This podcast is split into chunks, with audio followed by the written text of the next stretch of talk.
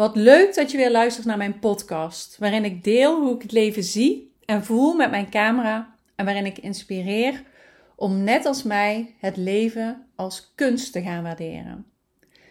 En zonder mezelf groot te houden, jullie met een lange introductie mee te nemen naar mijn masterclass Koester die ik gisteren gaf, wil ik meteen delen wat er gebeurde tijdens die masterclass.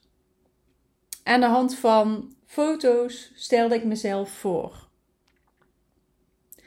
En wat er toen gebeurde tijdens de reis door mijn jeugd, waarin ik vertelde wat me lief was, wat bij me hoorde, ging ik het ook hebben over mijn opa en mijn oma. En vooral over de band met mijn oma. Ik ben nu 41 en mijn oma is overleden toen ik 7 jaar oud was. En als ik aan haar denk, dan komen echt zoveel verhaallijnen naar boven. Ik ben zo dankbaar voor die zeven jaar dat ze in mijn leven is geweest. Dat ik het belangrijk vond om daarbij stil te staan. En wat ik niet had verwacht, maar wat er dus gebeurde, was dat ik moest huilen. Want terwijl dat ik aan het vertellen was, wist ik gewoon weer hoe het was. Wanneer ik bij ons thuis de poort verliet en door het hoge gras naar mijn opa en oma liep. Het hoge gras over het land. Het land wat ons huis met het huis van mijn opa en oma scheiden. Ik voelde het gras gewoon weer tegen mijn benen kriebelen toen ik het over, erover had. Ik kreeg gewoon ook weer zin in wortelstampot met spek, want dat aten we iedere woensdagmiddag. En zelfs als ik nu met mijn ogen open zit te vertellen, zie ik het pad langs de kippen aan de ene kant, het konijnenhok, en het huisje aan de linkerkant waar de kuikentjes zaten met zo'n grote lamp daarboven. Ik zie de kersenboom in de tuin, kan bijna proeven hoe die kersen smaakten. Ze waren echt, waren echt de lekkerste kersen ever. Ik zie de moestuin met wortels, met boontjes, ik zie ook het stukje bloemenpluktuin. Ik zie ook een hele rij met Afrikaantjes. Om een of andere reden was er altijd een hele rij met Afrikaantjes. Naast de bloemenplukstrook in de moestuin.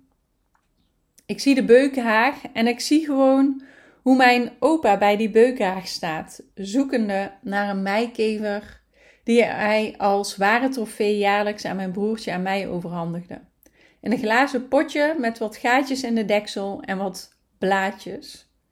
Met daarbij het vriendelijke, maar toch dringende verzoek om de meikever echt wel weer los te gaan laten na een hele of liever nog een halve dag. Ik herinner me ook het spelletje wat we deden wanneer we bij hen logeerden. Al heel vroeg kwam mijn opa in de ochtend tussen mij en mijn broertje in bed liggen. En wanneer je dan een auto hoorde, moest je je vinger opsteken. En wie voordat we opstond de meeste punten had, was de winnaar. Ik weet ook nog dat mijn moeder wekelijks krulspelden indraaide bij mijn oma. En dat ze dat deed nadat mijn oma van de ouderenbond afkwam. Dat was bij ons in de straat. We liepen haar altijd tegenmoet met een papieren zakje met kleine abrikozenvlaatjes erin. En terug naar de presentatie die ik gisteren gaf vertel ik ze dat ik foto's ga laten zien van mij en mijn oma, mijn opa. En ik weet wat er gaat komen. En plots overvalt het me. Het gemis. Want ik heb maar één foto van mij met mijn opa en oma en met mijn broertje. Het is er maar één. En hoewel de herinneringen die ik aan haar en aan hen heb in mijn hart zitten, en ik weet dat ik die echt nooit zal vergeten, overvalt het me toch dat ik zo graag meer foto's van haar had gehad. Want ja, het is een cliché, maar time flies. Dat is echt. En er komt een keer dat je herinneringen het enige zijn wat je nog hebt.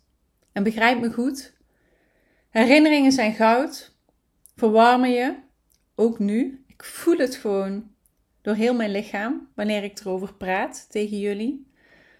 Herinneringen bieden troost, maar stel je eens voor dat je foto's hebt van de momenten, van de herinneringen die dat ereplekje in je hart bezitten. En stel het je niet alleen voor. Als ik je geraakt heb met deze podcast, doe daar dan iets mee. Ga vastleggen wat je hart laat zingen. En begin daarmee vandaag. En weet dat je ook altijd mij kan vragen om je te helpen. Want met alle liefde koester ik wat jij lief hebt. En daarmee sluit ik mijn podcast af.